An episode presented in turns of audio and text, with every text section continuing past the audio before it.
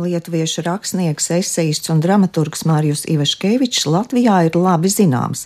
Vairākas viņa lūgas iestudētas arī Latvijas teātros. Kaimiņš un tuvā pilsēta Nacionālajā teātrī, izraidītie Dailis, Mališs Liepājas teātrī, bet pavisam nesen latviešu valodā iznāca Ivaškeviča trešais romāns Tomas Smūrs, tulkojusi Dace Meijere. Ну да, это личное знакомство с драматургом из Литвы Мариусом Ивашкевичусом. Producente Jevģēnija Šermeņeva taujāta par ieceri Rīgā veidot Ivaškeviča Lūgas totalitārais romāns lasījumu, atklāja, ka aizsākums lūgu lasījumiem saistās ar pandēmijas laiku. 2020. gada pavasarī, kad Zoom platformā veidoja Ivaškeviča Lūgas gulošie lasījumi ar startautisku komandu. Jevģēnija organizējusi vēl citu autoru, 22. gada rudenī arī Ukrāņu autoru lūgu lasījumus. Прошлым летом я ездила на фестиваль в Нарву, где мы опять встретились с Мариусом. И он мне говорит, а ты же не прочитала эту мою пьесу? Я говорю, нет. Он говорит, я тебе пришлю. И он мне ее прислал, я прочитала ее осенью. Pagājušajā vasarā es devos uz festivālu Narvā, kur atkal tikos ar Mariju.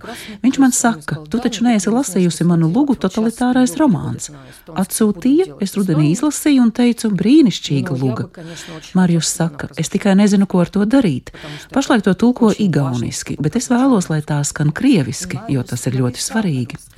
Luga rakstīta krievu valodā, jo Marjum tā ir darba valoda, un tādēļ, ka rakstīta saistībā ar ceļojumu uz Centrālā Azijas valstīm, uz bijušajām Padomju Savienības republikām. Protams, ka viņš tur ar cilvēkiem sazinājās krieviski. Arī par to ir lugā, ka vēl ir paudze, kura kopīgo saziņas valodu saglabājusi. Tāpēc arī lugas teksts rakstīts krievu valodā un veltīts tam, kā izmainījusies bijušās Padomju Savienības teritorija un kas tur notiek. Satikāmies ar Mariju vēl citā festivālā Krakovā, un es ierosināju veidot lasījumu. Pieredze mums jau bija, luga brīnišķīga, ļoti aktuāla un svarīga. Nevelti pašlaik krievalodīgajā vidē dažādos veidos vēršas pie Bulgākova, meistars un Margarita idejām, jo varas un cilvēka attiecības, iespēja manipulēt ar cilvēkiem, lemt likteņus un tā tālāk pašlaik ir ļoti aktuāli. Un Marijam lugā par to ir daudz pārdomu. И, в общем, у Мариуса об этом там очень много размышлений в этой pjese. Lugā totalitārais romāns savīs vairākas paralēlas vēsturiskas un mūsdienu sižeta līnijas personīgā pieredze un sarunas ar citiem māksliniekiem, kā arī ceļojumi pa Vidusāziju. Visi šie stāsti un varoņi rotaļājas spilgtā kaleidoskopā, vēstot par mākslas un varas sarežģītajām attiecībām. Lasījumā piedalīsies starptautiska aktieru komanda, un gandrīz visu aktieru pēdējo gadu pieredze ir līdzīga pēc kara sākuma Ukrainā pametuši Krieviju.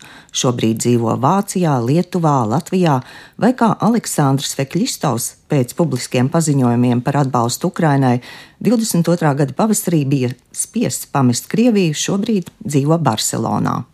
Jevgeņija Šermiņeva ļoti vēlējusies, lai meistara lomā būtu Fekļistovs. Я знаю, что он давно уже мало где работает, и для него это очень важно. Он один из моих любимых актеров, уехавших. Es zinu, ka viņš jau sen maz spēlē, bet viņam tas ir svarīgi. Viņš ir viens no maniem mīļākajiem bezbraukušajiem aktieriem. Varbūt viņš nav tik pazīstams plašai publikai, ir spēlējis viesizrādēs Rīgā. Čulpana Hamatova arī deva piekrišanu, izlasot tikai daļu lūgas. Tad sākām domāt par pārējiem aktieriem un izveidojām komandu, kādu redzēsiet šeit, Hanzas peronā. Tie ir aktieri, par kuriem nav kauns. Viņi ir pauduši savu nostāju. Mēs visi zinām par Čulpanu Hamātovu, kura dzīvo Latvijā, bet Aleksandrs Feklistovs ierakstīja personisku ziņojumu, kas izplatījās tūkstošos pārpublicējumu 22. gada pavasarī. Tas nebija politisks, bet cilvēcisks vēstījums. Cilvēki, ko mēs darām? Apstājieties! Tā kā viņš ilgu laiku piedalījās populārā seriālā, kas bija Ukraiņu projekts, sekas bija tūlītējas un visas viņa Maskavas izrādes pārtrauca rādīt. Aleksandrs Viļņpenko arī aizbrauca uz Viļņu. Arī viņam ir sava nostāja. Nesen ierakstīja video klipu atbalstot Aleksēna Vaļnija māte šajā traģiskajā situācijā. Sniedz intervijas, pauž savu nostāju, dara, ko var. Что может, то делает, и как может, так работает. Autora loma lasījumā Darjum Miškauskim. Viņš ir Klaipēdas drāmas teātra vadošais aktieris. Par lomu filmā Mana brīvība tikko saņēmis Latvijas Nacionālo kino balvu Lielais Kristaps. Jautāju, kāpēc bija svarīgi iesaistīt Lūgas lasījumā latviešu aktieri Egonu Dombrovski. Я его увидела сама, Когда меня пригласили работать в жюри премии «Спельmeņu nakts», Es viņu redzēju kā skatītāju, kad man uzaicināja strādāt spēļu nakts žūrijā. Mēs, eksperti, devāmies uz Liepāju skatīties Elmāra Seņkova pirmizrādi Šekspīrs. Es viņu tad ievēroju un nodomāju, kas ir tas brīnišķīgais mākslinieks, kas pārvalda vieglu bufonādi, tādu aktieru meistarību, tēlo muļķi, paliekot dziļi profesionāls. Kā viņš tēloja Lēdiju Magbetu, es nekad neaizmirsīšu. Kad mēs runājām par Korovjeva lomu, meklējām noteiktu cilvēka tipāžu. Te svarīga nozīme bija tam, ka Marijus Ivaškevičs atbrauca uz savas grāmatas Tomas Mūrs latviešu izdevumu atklāšanu un devās uz izrādi Pīters Pens sindroms. Pēc noskatīšanās teica, es piekrītu, aicini viņu. Katram varonim ir pamatloma, bet pārējās it kā varonis pārģērbtos. Viņš ir Korovjevs, bet šajā mirklī viņš izlieks par kādu citu, tad vēl par citu varonis, kurš periodiski kļūst par vēl kādu. Tā kā sarunas sākumā Jevģīnija Šermiņēva minēja festivālu Nārvā, kur notika šīs pašas Ivaškeviča lūgas lasījums, un tajā piedalījās aktieris Gunārs Aboliņš, nelaižu garām izdevību pajautāt vispirms aktierim par lūgas tekstu. Man līdz šim bija pazīstams, kā es no autora viņa grāmatas atvēršanas pasākumā dzirdēju, teksts jau atkal kuru reizi ir pārstrādāts un pārrakstīts. Un Mārijus Ivaškevičs ir viens no tiem autoriem, kurš ir klātesošs mēģinājuma procesā, un viņš pats šo to pāraksta, šo to palabo, šo to īsina. Nu, viņš ļoti uh, rūpīgi seko, lai būtu tieši teksts. Nu, viņš ir tas, kurš paļaujas uz tekstu, bet tāpēc viņam arī tas teksts ir nostrādāts. Iesākumā šo darbu vispār sauc uh, rekvijams mankurtam. Jo mankurtisma tēma, sākot no šīs čingizēta māte romānā un garāk par mūžu dienu ilgst. Šī leģenda par mankurtiem, par mankurtu rašanos ir izgājusi cauri daudziem vēsturiskiem mūsu kultūras un vēstures personāžiem. Nu, es runāju plašākā kontekstā, jo agrāk jau mēs bijām arī citas valsts ietvaros. Marijus nevelk šīs robežas. Šāds provinciālisms viņam nepiemīt.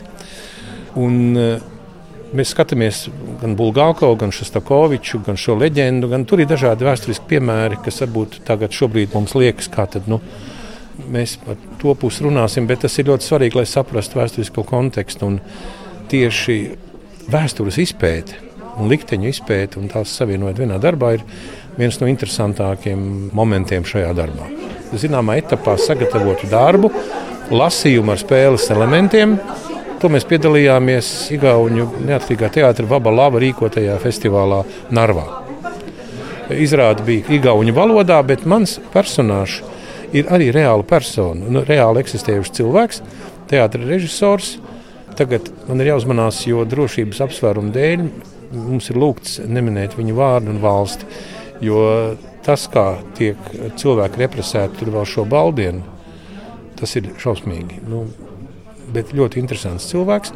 Viņa personāžs lugā tiks saukts kā meistars, un līdz ar to nevar meistaram izvirzīt tādas iespējamas represijas. To mēs darām piesardzības nolūkos. Un varonis, kur jūs Gunter atveidojat, ir galvenais varonis? Nē, apā. tur nav viena galvenā varoņa. Galvenais ir stāsts, kāpēc cilvēks izšķiras brīvprātīgi kļūt Nu, tā ir tāda autora hiperbola par mankurtu. Jā, kādreiz ceļotāji mankurtus sagūstīja, viņus padarīja par tādiem.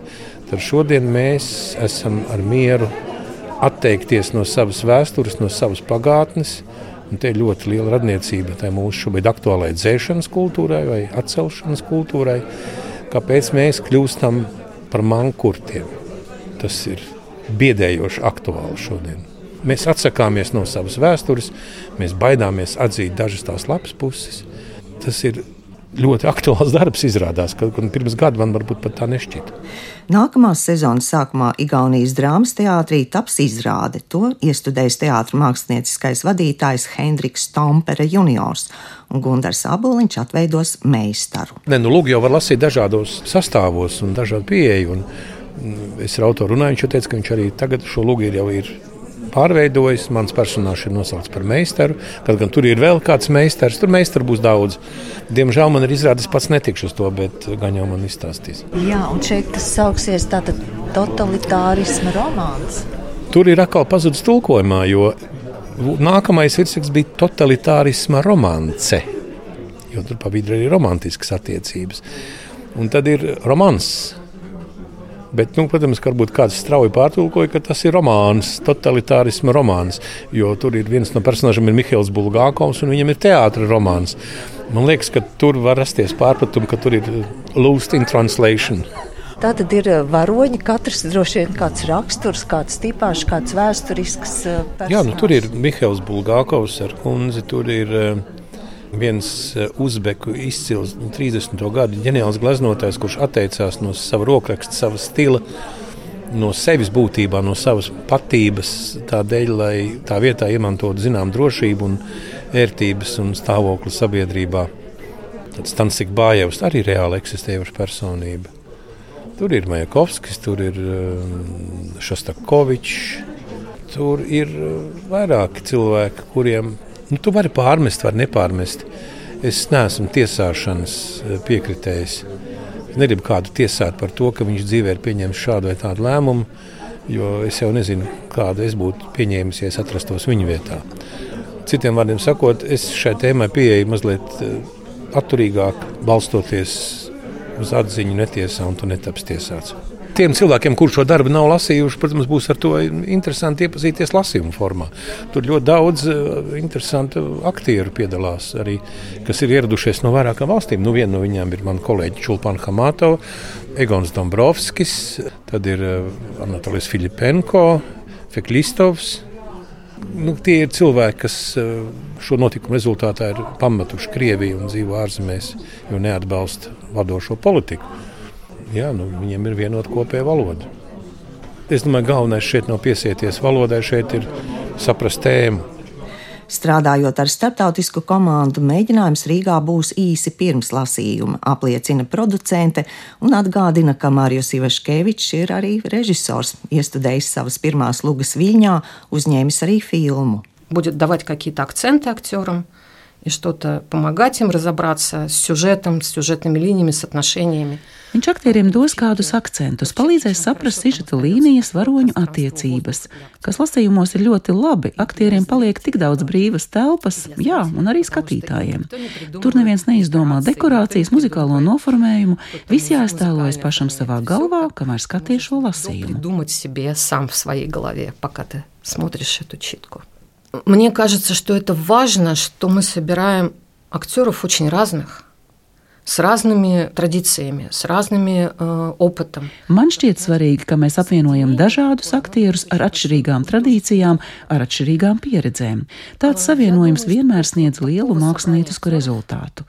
Turklāt šādu aktieru sastāvu diez vai citreiz būs iespējams redzēt. Es zinu, ka latviešu skatītājs mīl Čulpanu Hamātovu un dodas uz viņas izrādēm jaunajā Rīgas teātrī, taču spēlēt Jeļenu Bulgākovu un Margaritu, manuprāt, tā katrai aktrisei ir laime, pat ja tas ir tikai lugas lasījums.